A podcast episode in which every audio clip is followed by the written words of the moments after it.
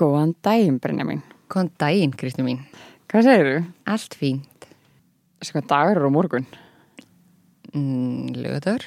Lögadagur. En það er stóri útskristudagurinn. Bæ. Háir og hói ákveði bara að fá útskristuna símnar á sama degi. Æ, mér finnst það svo glatað að því ég vil geta farið í veistlu tvær helgar í röð. Já, nokkvæmlega. Það sem er gott að hafa vini sem er svona svolítið að dreifa veistlunum sínum yfir sumarið. Er það að tala um sjálfa þig? Þú ert einu menn sem ég þekkir um Nei, ég hef búin að fá veistlu núna í júli og já, það er svona aðeins betur að þessu. Nú, það er bara svo mikið móment alltaf á deginu. Já, ég veit það. Ítla vegið að minni samt. Já, ég veit. Ég er bara að pæla á mína veistlu.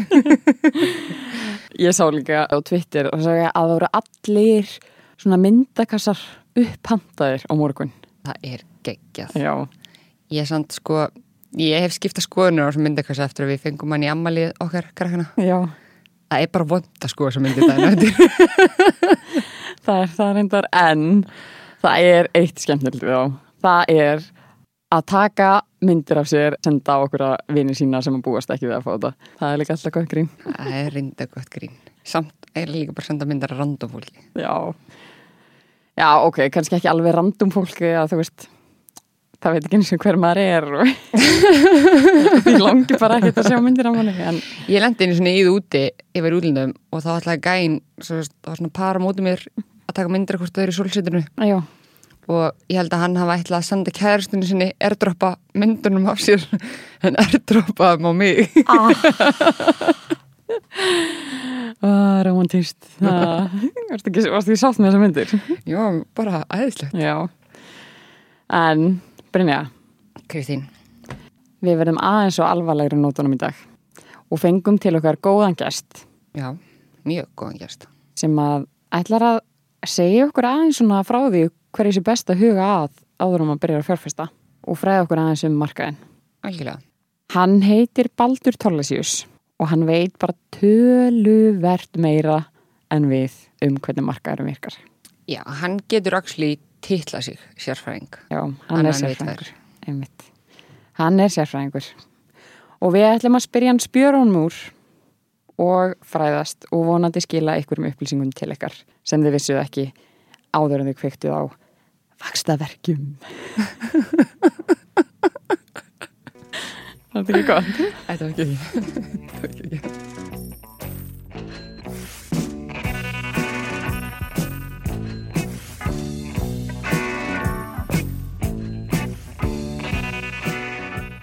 Baldur, takk alveg fyrir að koma til okkar Takk fyrir mér Við höfum núna lesið nokkar greinar eftir þá vísi og, og séð eitthvað svona kynningar á þínum vegum. Hvað er það sem þú fæst við dagstælega? Já, ég er sem sagt í dag frangandistjóri sölu og viðskiptutengsla hjá Nasdaq á Íslandi og sem er þá Kaupullin sem sagt og búin að vera hérna hjá Kaupullinu í, ég held að þess að helgina sé 14 ára starfsamalega mitt. Ok. Og ég er bara hérna nýgraðingur hérna en þá og hérna búin að sinna eins og störrum þarna en, en núna er ég þessu að að svona aðstofa að fyrirtæki við að koma markað og, og svona reyna líka hans upp á þetta umhverfi. Þegar þú tala um kauphóllina, mm -hmm. er þetta svona eins og fólk ímynda sér í bíómyndum? Allir öskurinn hvern annan og allt fullt að kvöllum í jakkafötum og allir að ræða markaðin, allan solringin eða? Þetta er bara næstu því ekkert eins og það. Það kynni. Maður fær, fær stundum þess að fólk kemur í heimsókn í, kauphóllina og býst við einhver svaka aksjón og svo, svo er bara hérna bara heyrist ekki neitt, jáfnveil engin á svæðinu og það er bara einhver tölvusalur í, í, í Stokkólmi sem sér um þetta meira og minna, Aha. svo er bara fólk hérna jáfnveil heima á sér að viðskipti og Já. bara gegnum einhver app og eitthvað svona Allt voru svona teknilegt Já, stundum með þurft sko að koma kannski ljósmyndar að taka myndir og eitthvað, þá bara heyrðu getur ekki einhverju sem er, farð þú í þetta sæti þarna, þykist þér að vinna að gera eitthvað og svona bara allir svona eh, reyna að tróða sér á eitt hotn þannig að við erum stöðað svaka aksjón sko. Ah. Búið til svona kaupallar stemningu sem maður sér fyrir sig Líki aðeins eftir því. Já, nákvæmlega. En þetta er alveg teitil sem þú ert með. Þú veist sem sagt ekki sitandi við tölvurskjái sem er með svona svörtum gröfum og röðum og grænum línum allan daginn og spá í hvernig það fyrir upp og niður. Svona ég er aðeins minna í því núna, ég var áður í á sínum tíma í eftirliti, þá var, var ég alltaf mikið að fylgjast með mm -hmm. og hérna þá var maður meira með skjáni fyrir hans nú er ég me miklu meira bara í símanum og og skrifstofa mín núna síðustu mánuðina búin að vera bara stofan og barnaherbyggið til skiptis Það þekkja það flestir. Já, er margir kannistu það. Já. En það er náttúrulega líka alveg geggjað að það sé hægt að byrja að vera bara heim í stofu og vera í símanum að fjárfesta. Þetta sé ekki einhver annar heimur. Já, Það er mjög að koma inn á að þetta sé bara, þú getur gert þetta hvar og hvernig sem er og hver og hver sem er getur gert þetta. Nákvæmlega. Og við lásum nefnilega meðal annars grein eftir þig sem bara nafnið áhrifavaldur og áhugafjárfestar. já, Við vorum svona velta fyrir okkur. Hérna, hvað finnst þér um að meðal maðurinn sé farin að taka svona miklu meira pláss á markaðinum? já mér finnst það ótrúlega skemmtilegt og eiginlega bara nöðsynlegt að, að sko getum bæði að tala um svona beina fjárfestingar að fólk bara fær og fjárfesti en líka bara að fólk sé að kynna sér þetta upp á þú veist, við erum öll hérna, sem erum komin allavega út á vinnumarkaðin, erum hérna að greiða lífyrirsjóð, þannig að við erum óbeint, annars að einhvern veginn vera meðut um það annars að vita hvað er að gerast að við erum að fjárfesta og þetta mun hafa áhrif á all lífurinn okkar snertur okkur sem bara fólk á vinnenda markaði, neytendur þannig að svona bara það einmitt að fólk sé að fara að kynna sér þetta um, finnst mér mjög spennandi en, en ég fann líka að það er hérna, ótrúlega mikið fólki sem hefur hérna, alveg margt til mánuleggja og getur alveg gert gott mót í fjárfestingum sko. Það er kannski svona aðal, aðalgallinu við þetta er kannski eins og GameStop-máli sem kom upp og það er kannski ekki komið upp að það eru bara fagfjárfestar á þessum markaði. Nei, og það, það er og svo sem koma upp alls konar mál það sem eru fagfjárfestar líka og,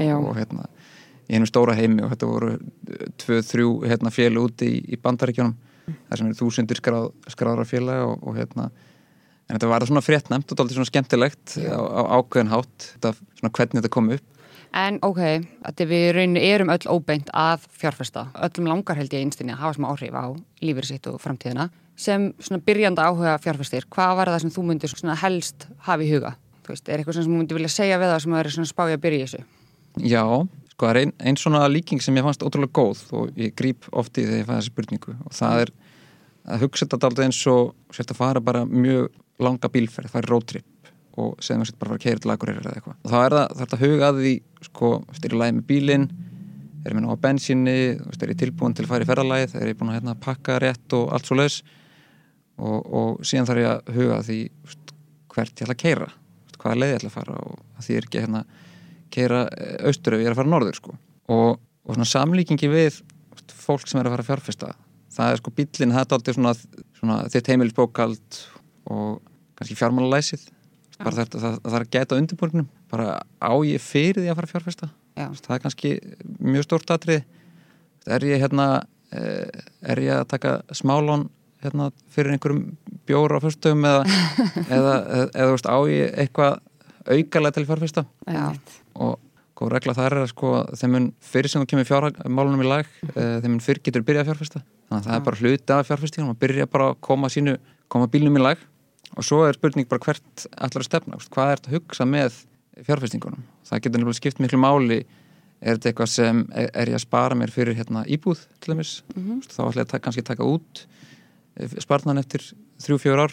Eða er þetta hlu- hluti af einhverju svona halgjörum lífur í sparnaði ætla ég bara að eiga þetta og, og svo bara hérna njóta þess hérna, þegar hann eldri eða veist, hvað sem það er sko.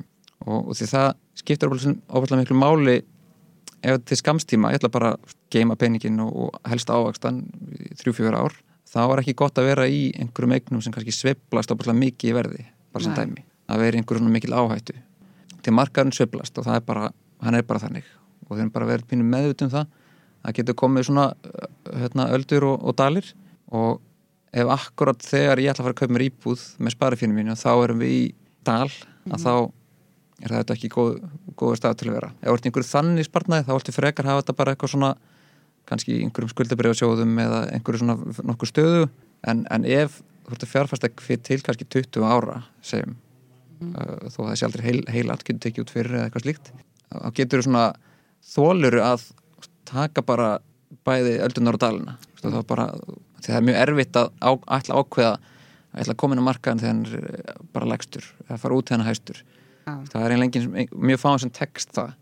Þannig að það er eiginlega besta staðan til að vera í er að, að geta bara veist, þóla bæði upp og niður söflur og þá ágætis líkur það ávextir nokkuð vel. Akkurat. Þetta eru mjög góða punktar. Ég hef eitthvað tímann heyrt eða lesið um það að ef maður er með eitthvað lán sem er til dæmis með herri en 7% vexti Mhm. þá þótti maður að greiða það fyrst niður eða Já. einhverja háa vexti og maður að greiða það fyrst niður áður en maður byrjar og líka það að eiga kannski tvöföld eða þreföld mánaðalun Mhm. inn á spartnaðarreikningi sem er þá ekki verið að fjárfesta bara til þess að eiga ef eitthvað kemur upp á. Já, bara mjög, þetta er bara mjög góði punktar. Þetta var hérna fyrir nokkrum, nokkrum árum þegar vextir voru herri og verðbólga meiri, hún er þetta ágættis verðbólga núna með nýjustu tölur. En hérna þá, þá var það bara fyrir flesta, bara besta fjárfestingin að greiða niður lánu sitt. Já, Það, það er kannski ákveðin ástæð fyrir því að fólk er að fara að hugsa meira um þetta núna að, að lánin eru á, á aðeins hagstæðari kjörum. Það er enda mjög góða punktur að því við vorum einmitt svolítið að tala um þetta í fyrsta þættinum. Af hverju fjárfestingar væri orðnar svona rosalega hot topic núna? Að því þú sko finnst þau vera meiri í umræðinni og ég, bara sem ég bara vissi ekki, gott að vita. Að þetta er mitt, þetta meikar sens að núna eru ótrúlega góð kjör með að við síðustu ár á húsnæðslánum og þá náttúrulega er fólk kannski líka búið að og sérstaklega með þessum sérregnarsparnaði greiða aukalega inn á það og slíkt að þá kannski er meira svegrum fyrir að fjárfesta. Já, algjörlega. Það þú myndist að skuldabrifa sjóði áðan er ekki yfirleitt svona miða við að ríkisbrifin séu minnst áhættan, svo skuldabrifin og síðan hlutabrifin. Jú, Er það, það er svona uh, ágættis dröppu ganga Já. þar sko. En það er náttúrulega alltaf best að byrja í, í sjóðum. En ef maður er að meta til dæmis bara, ok, maður langar að kaupa hlutabrif í einhver fyrirtæki á Íslandi. Hvernig er best að ákveða það? Og hvernig tekur maður ákveðun um það?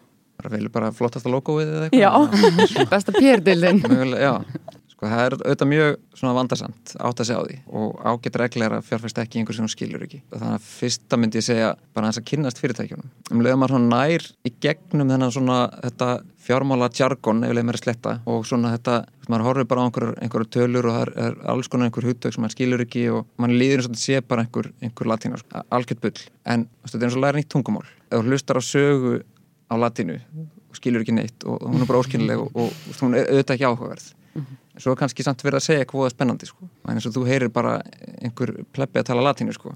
þannig að nákvæmlega það sem fólk heyrir þegar hlustar á fjármálafréttir en leðum maður átt að segja á því sko, hvaða sögu þessar tölur og þessar hugtök er að segja þá er einhver svona, það er einhver mannlegu þáttur það er einhver stjórnendur sem er að, búa til einhverju vörur fyrir neytendur sem eru þú veist, að hegða sem einhverjum hætti og, og það getur alls konar spennandi vinklar þar inn, í, það getur verið hérna, umhverfismálin geta uh, skipt miklu máli og, og, og alls konar nýsköpun verið búið til nýja hluti. Þannig að fólk hefur kannski áhuga á þessum hlutum en tengir ekki endilega við svona, he- heldur já, ég hef ekki áhuga á fjármálum og rekstri, ég er bara, þetta er ótrúlega leðilegt en er samt með svakalega skoðun á hvað einhver fyrirtækinu þeim er spennandi að gera eða veist, einhverju vörur eða eitthvað slíkt. Þannig að svona komið sér inn í þetta kynna sér hvað fyrirtækin er að gera og svona hvað veist, fólki finnst spennandi og fara þá út frá a- að lesa fjármálafréttinar og hugsa þá, ok, hvað þýðir þetta? Þetta var hérna, það var byrt einhver, hérna, byrt eitthvað uppgjör, hvað, hvað er það að segja mér? Já, kannski líka bara þykir kannski vætna um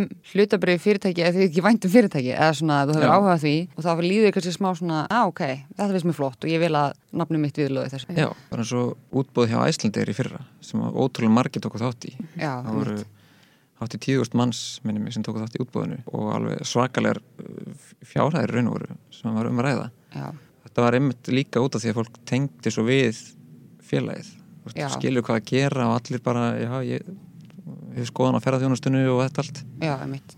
Og margir náttúrulega nýtt sér þjónustina þeirra. Já, Þannig að En þannig að eins og svona kennitölu greining og svo leiðist, það er kannski fyrir þá sem eru aðeins lengra komnir eða er þetta kannski svolítið svona sem að maður neyðist til þess að setja sér svolítið inn í ef maður ætlar að kaupa hlutabrið. já, svona einhver e- e- vissumark, út af svona, er svona framaldið sem nefndi áðan, sko, ásringurinn, hann er að segja einhverja sögu, þetta er bara eitt skjaleitt og sér er bara, bara einhverju tölur og þú áttar ekkert á saminginu, en þetta er raun og veru bara svona einhver stöðlu leið til þess að sína hver í gangi, hva, hvernig eru tekinar að þróast, hvað á fyrirtæki, hvað skuldar það, eitthvað svona, og kennitölur tölum þær, þá er það svona einhver eh, svona leið til þess að bera saman fyrirtæki, þá er þetta kannski að reikna saman einhverja tölur úr reikningunum og, og reiknaði saman við jáfnvel einhver, einhver aðra upplýsingar og, og færði á einhvern svona, sam, einhvern svona grunn. Og bara tökum sér dæmi svona algengustu kennitöluna sem er á íslensku vaff-há hlutvallið bara í í raun og veru svona í mjög einföldu máli bara verð til með hagnaði og en, ennsku P-ratio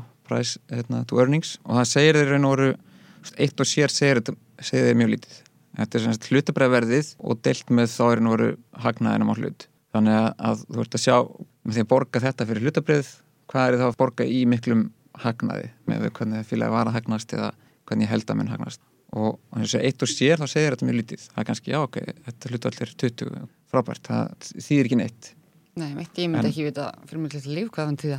Nei, en svo er það sko að bera saman kannski tvö fyrirtæki og það er, það er þar sem ég held að sko einstaklega getur komið allir sterkir inn að það, það er svona kennitölur og, og kannski einhverju greiningar sem einhverju fæðalar er búin að gera getur haft það sem svona ákveð akkeri það er bara, En þú veist, þú talar um svona að bera saman fyrirtæki. Þarftu ekkert að bera saman fyrirtæki í svona sama flokki, skiljum? Sama Gæti- geira? Já, Jú. ég tekið banka og bara sjávarútsfyrirtæki og bara heyrðu, Fórið saman, myndi það eitthvað mega sens?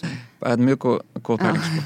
það myndir nefnilega ekki, þú sér kannski fyrir eitt fyrirtæki þá er þetta 20 og, og annað er sama gera kannski 19 og svo horfður Já. á eitthvað fyrirtæki öðnu gera og það er 80 Já, þú veist, já ok, er þetta þá dýrt og hitt ódýrt? Já. það er ekki endilega þannig sko. Því þetta er, og þessi kennitala hún er að segja sko, hvernig verðið miða við hagnaðinni fyrra? Sum fyrirtæki kannski verða bara með svipaðan hagnað áfram og bara svona þróast þannig. Svo er þetta kannski með tækni fyrirtæki sem er bara jafnvel með engan hagnað þú býst við að eftir tíu ár þá hérna, verður bara hérna, rigna, rignandi miljörðum sko. Já, já, já, þá er eh, ló, svona lókist að sé herra hlutfall þar já, ok. þannig að þú ert kannski að bera saman einhver fyrirtæki og, og segjum bara tökum dæmi um, um einhver félag sem fólk þekkir hérna, hagar og festi bara til að útskýra Já, já, algjörlega. hagar er, er sem er með hérna, hagup og bónus ólís. Á Hallandi? festi á hinn helmingin krónuna og, og elko og ennit þannig að þetta er svona smá, smásölu fyrirtæki. Þú getur borðið þau saman. Og, og mögulega er eðlilegt að þessi herra hlutvall er annað heldur en hitt. Já, og þá getur þú hugsað okay, hvað, hvað er ólíkt þessi fyr- fyrirtæki? Ok, annað er að kannski græði meira á uh, ferðarnastann fyrir aftur í gang. Mm. enn einn til dæmis Já. er, er fer, fer, kerir kringum landið og þá er bara getur valla að komast hjá því að stoppa á enn einn stuð og þetta var, var oft svona greiningar alveg voru oft, voru oft að horfa það, það sko, veist, með það félag. Mm þannig að ef ég einhver greiningar alveg veit ekki endilega betur en ég hvort að ferðarþjónastan sé að fara að strjúka upp eða ekki. Nei, þannig að ég get þá komið mínar pælingar inn í sko, nota þetta sem akkeri sko, það sem sérfræðingarnar hafa gert. Svo get ég komið með mína mögulega sérfræðþekkingu eða bara einhverjar vangaveltur og svona ok, en ég held að þetta muni þróast þeir muni vaksa hraða heldur en þeir halda. Já, þannig að þá kannski sé ég tækifæri. Þannig að svona að það leynist óbúslega mikil svona þekking í fjöldanum. Já. En ok, nú spyr ég eins og að nei, þú veist, við segjum að vera með hagarfesti og það væri hérna 1920 að þetta er svo lítill munur að kaupa ég væri að velja hvort ég myndi vilja kaupa í. Þá er þetta að tala um að þú myndir kannski bara frekar horfa á hvað þú heldur heldur en að velja út frá bara 19 eða 20 eða Já, skiljaru og og 19 og 20 henni sem við vitum að það svona endurspeglar það sem öðrum fjárfæstum finnst eðlilegt verð. Og þá getur þú annars að skoða ok, er, er ég sammálaðsu eða held ég að sé bara einhver svakaleg tækifæri hérna í bónus eða eitthvað? Og, og þá myndi ég vilja kaupa það frekar mögulega. En svo getur líka að skoða ok, hvernig er þetta hlutal búið að þróast? Og hvernig er þetta sambúrið við svona fjölu erlendis? Þannig að ég kannski sé ok, þetta hlutal er óbúslega hátt núna eða óbúslega látt með við þú veist, eitthvað svona síðustu tíu ára eða eitthvað já, og já, hugsa þá ok, þá vil ég bara býða eða stökkva inn eða eitthvað já, já. þannig að það er svona, það er þetta svona nota þetta sem svona bara svona byrjunarpunkt og hugsa þetta út frá því Einmitt. í ymsa Já, áttir sko. Já, þetta var mjög góð útskýring á Já. þessu. En ef þú kaupir hlutabrif þá áttu svona ákveðin hlut í fyrirtækinu og þú færi þá ávöxtun annarkvort út af verðbreytingu þannig að þá ert að kaupa hlutabrif og síðan hækka verðið á hlutabrifinu og þú getur þá selt á hærra verði eða að þú ert að fara að fá ávöxtun út frá arði sem félagi greiður út. Mhm. Hvernig veit ég ef ég kaupi segjum bara annarkvort í högum eða festi? Mhm. hvernig veit ég hvort ég er að fara að græða á þessum mismunni eða þá að fá greittan út arð? Góð spurning. Og, svarið er þú, þú getur nálgast upplýsingar sem sagt bara svona eh, komast í áttina að því. En það er aldrei, aldrei örugt, þú getur verið bæði og, og flest vonandi hækkar í verði líka og, og svo farið eitthvað narð en, en það er tekin ákvörðun hlutafundur ákvörður hverju ári. Þú veist, ok, núna gekk vel illa þá ætlum við að greiða arð að sleppa því.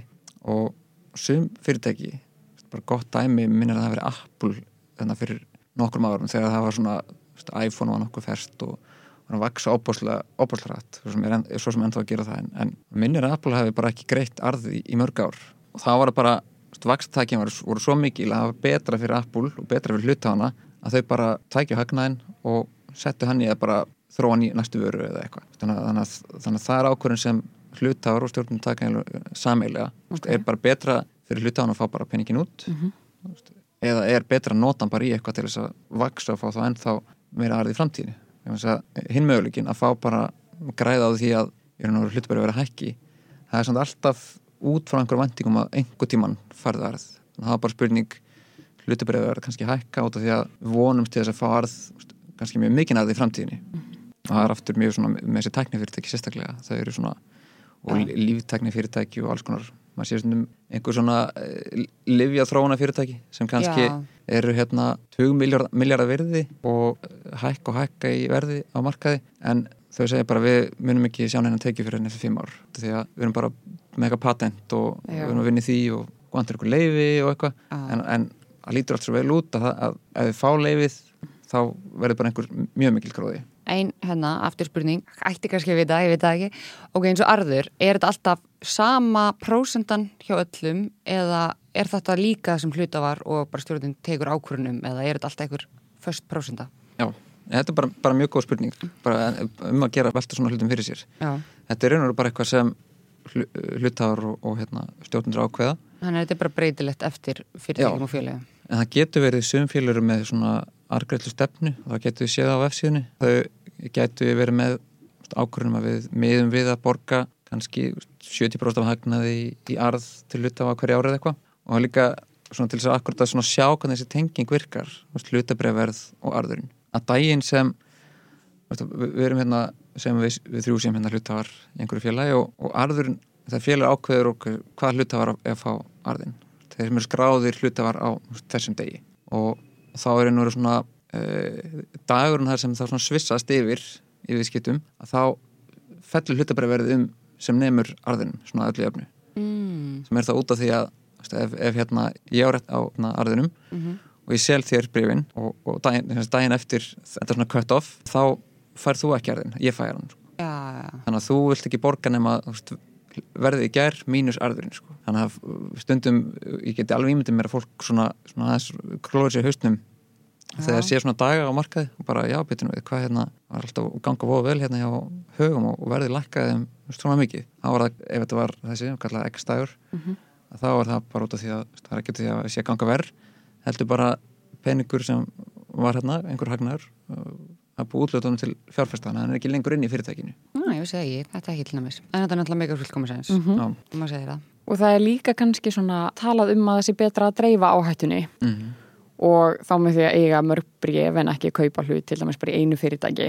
Til dæmis þá að kaupa líka í mismunandi geirum og svona. Eins og í bandaríkjunum þá hef ég heyrt talað um að það er kannski gott að eiga 10-15 mismunandi bref í mismunandi geirum. Já, en nú er þetta kannski alls ekki í bóði á Íslandi svona ef maður er að fara að velja brefin sín sjálfur já, það er ekki bara að kaupi hverju sem er Já, ummitt. Þannig hvernig er best að dreifa áhættunni hérna á Íslandi?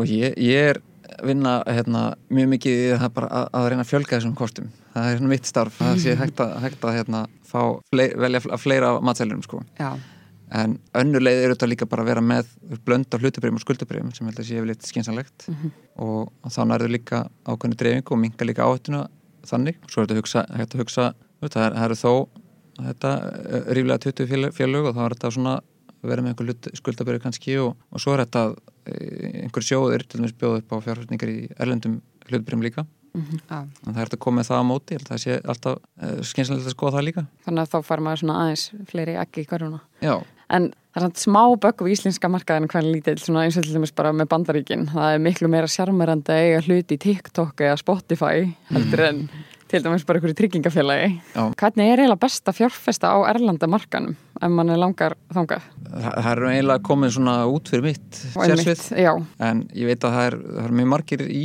þannig fjárfestingum og, ég veit að það eru, maður rekist á bara á netinu svona fólk að spyrja og aðra að deila upplýsingum þannig að, þannig að það er kannski hægt að gera það bara gegnum sín banka og það er nú kannski fyrsta, svona, fyrsta leiðin. En ef við ætlum að skoða einhverja aðra leiðir þá kannski bara prófa að leita til jafningja og sjá hvað, hérna, hvað þau hafa gert. En, en vanda valið vel það getur skipt máli. Einmitt. algjörlega. Ég ætti kannski að beina þessari spurningar sjálfur mér af því að ég nota í Toro appið svolítið. Já, þannig að ég, þannig að ég ætla að spyrja þig. Hva, hvernig er best að fjárfesta elend sko, ég ákvað bara að prófa þetta af því að öðruvísi læri maður eiginlega ekki að því. Já, Ég er náttúrulega bara með peningi í þessu sem ég veit að ég get tapað og þeir auglýsa sig eins og þeir taki engar þóknanir. Það er alltaf bara stæstu fyrirsagnina hjá þeim, bara no commissions. En málið er að þeir taka samt þóknanir og þeir eru alltaf með svona nætur þóknanir sem eru svona duldar í ve- verðinu. Þannig að kannski að vera, maður þarf að vera svolítið meðvitaður um það. En Þetta er kannski bara efni í heilan þátt um fjárfestingar í öppum erlendis. algjörlega, já. þannig að Alec Baldwin var að, var að hérna, ruggla í okkur Já. Nákvæmlega, það er eiginlega svolítið þannig. En er það ekki klassíst? Jú, Og líka grúpa á Facebook sem heitir Ítoro á Íslandi, þetta er eins og bara eitthvað kvöld. já, ok Þetta er bara crossfit. Já, þetta er. Crossfit fyrir fjárfesta. Það er alveg þannig. Svo náttúrulega þarf maður að passa sig að maður þarf að tella þetta fram í skattframtali og svona. Þannig að, Já, það er, það er hérna, passa það vel og, mm -hmm. Fara yfir það með sérfræðingum og því sviði sko. já, en nýsköpun. Nú til dæmis nýsköpun og frumkvöla starfsemi og þetta er náttúrulega alveg svona orð sem heilla utanfrá. Þó þetta sé eflaust mikið hark fyrir þá sem er í þessu. En hvernig geta til dæmis bara ég og Brynja og, og Jón og Gunnar hérna í næsta húsi fjárfest í nýsköpun? Það er sko, við viljum koma íslenska markarum og, og, og hef trúið að við séum alveg að komast nákað á þann stað að nýskupinu fyrirtæki fari bara hreinlega á markað, fara á First North markaðin sem er svona markað fyrir vaksta fyrirtæki og það er það sem við erum að sjá gerast ótrúlega mikið í Svíþjóð til dæmis sem er svona það, það, það land sem er í okkar samstæðu sem við berum okkur mikið saman við og reynum að svona ná þangað. Það er alveg ótrúlega mikið af, af sko, það sem á íslenska mælikara myndi telast mjög lítil, spennandi tækni og vaksta fyrirtæki og sem reyðið sem er bara mjög mikið á fjárfæstinga frá einstaklingum Bara eitthvað fólk og ég og þú hérna. og vissulega mikið, mikið þetta er mikið í bland sko Já. eflega styrkið til að byrja með og, Algjörlega. og, en svo er þetta svona, svona tvö leikilatrið sem svíðin tala oft um og það er eitt er að þeir eru með mikið af einmitt fagfjárfæstum sem eru sérhæðir bara svona daldið koma inn í svona fjárfæstingar alls konar sjóðir og, og hins vegar þessi mikla þáttak almennings að það er bara almenningur hefur með, með einhver, einhverja risavaksna lífeyri sjóði eða einhverja alþjóðlega fjárfæstingabanka þeir nenni ekki fjárfæsti í litlum vakstafyrirtækjum er, þetta eru svona við erum að, að, reyna að tekna þetta upp. Við erum að náði samstarfi stjórnvöld að bæta svona mikið hérna, svona umhverfið til að hjálpa fyrirtækjum að fara á markað. Og, það eru sem ég get því miður ekki sagt frá en það eru nokkur spennandi játn í eldinum sem Ok. eru svona Ok. þarna og, og, og svona fyrir fólk sem hefur áhuga á akkurat þessum geirum að þetta getur verið mjög skemmtilegt að skoða þær fjárfestingar Og já, þú talaður um First North markaðin. Hann er annara tveimur mörgum sem kaupöllin reykur, er það ekki? Jú, aðalmarkaðin og svo First North markaðin. já En eins og ef maður fer inn í hérna verbreyfasafni sitt í bankanum, mm. þá sér maður ekki þessi First North fyrirtæki. Já, einmitt Hvernig nálgast maður þau? Eða þú veist, er þetta að eiga hlut í þeim eða þarf maður að vera... Já, það er, það er sko, ég veit ekki alveg hvernig þetta eh, endaði svona, Nei. þetta var ekki bóðið henninni, en við erum búin að vera í miklu samtali við bankana um, um að bæta þessu inn og Ok. ég á ekki vann áður en það muni skila sér, vonandi sem fyrst þá, en, en þanga til þá, er, þá getur maður bara hringt í bankan fengið bara að tala við miðlara og sagt, mm. Ég vil kaupa þessu. Og þá gengur við komum bara frá því fyrir mann sko. Þannig að það er hægt í dag en, en vonandi verður þetta komið svona aðeins svona nærmanni. Ok. Og er þetta ekki svona, þú byrjar á þessu markaði og færist svo yfir á aðalmarkaðin eða hvernig það? Já, það er, það er allavega algeng leið fyrir lítið, svona smæri fyrirtæki. Sum koma bara nógu stórin að marka og hafa það bara notið þess að vera með aðra fjárfesta, kannski öfluga vísisjóði eða, eða framtagsjóði sem er bara stutt við þau.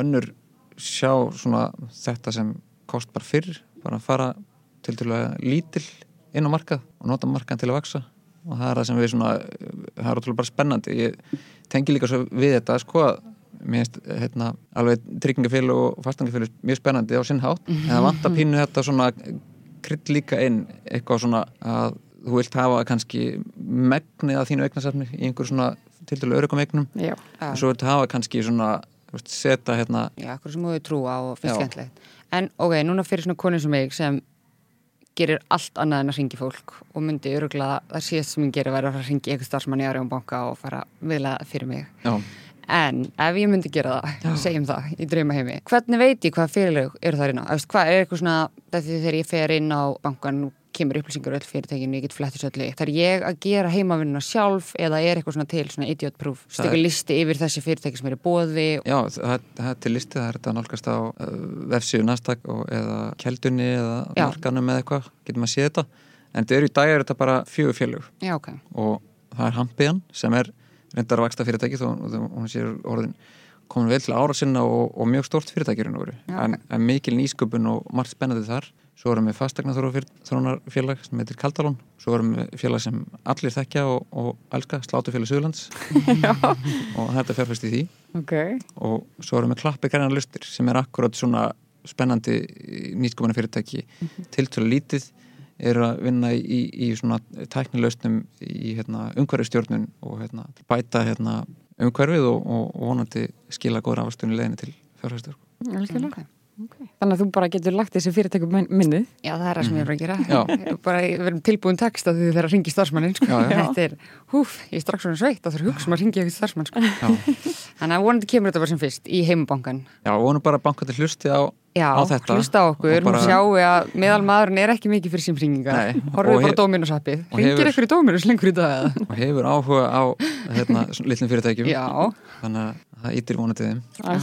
í Því líka neglu yfirferðina.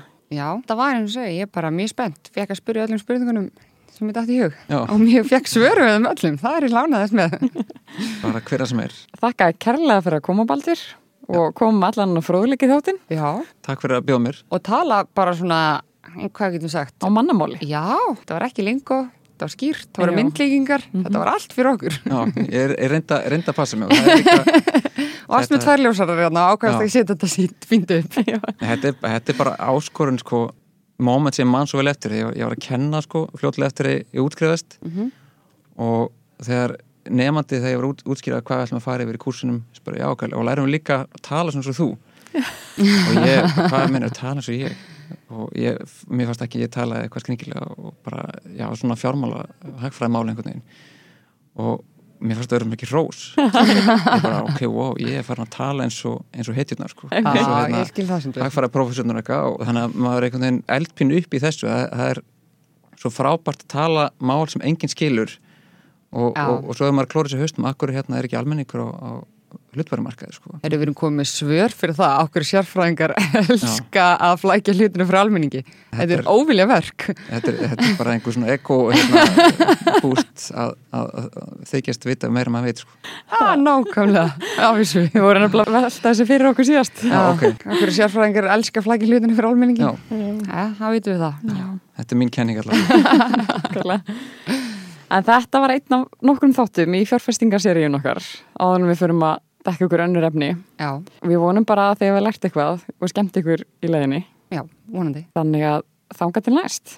Takk fyrir okkur. Takk fyrir okkur. Takk hella and you're gone too far cause you know it don't matter anyway you can rely on the old man's money you can rely on the old man's money it's a bitch girl but it's gone too far cause you know it don't matter anyway say money money won't get you too far get you too far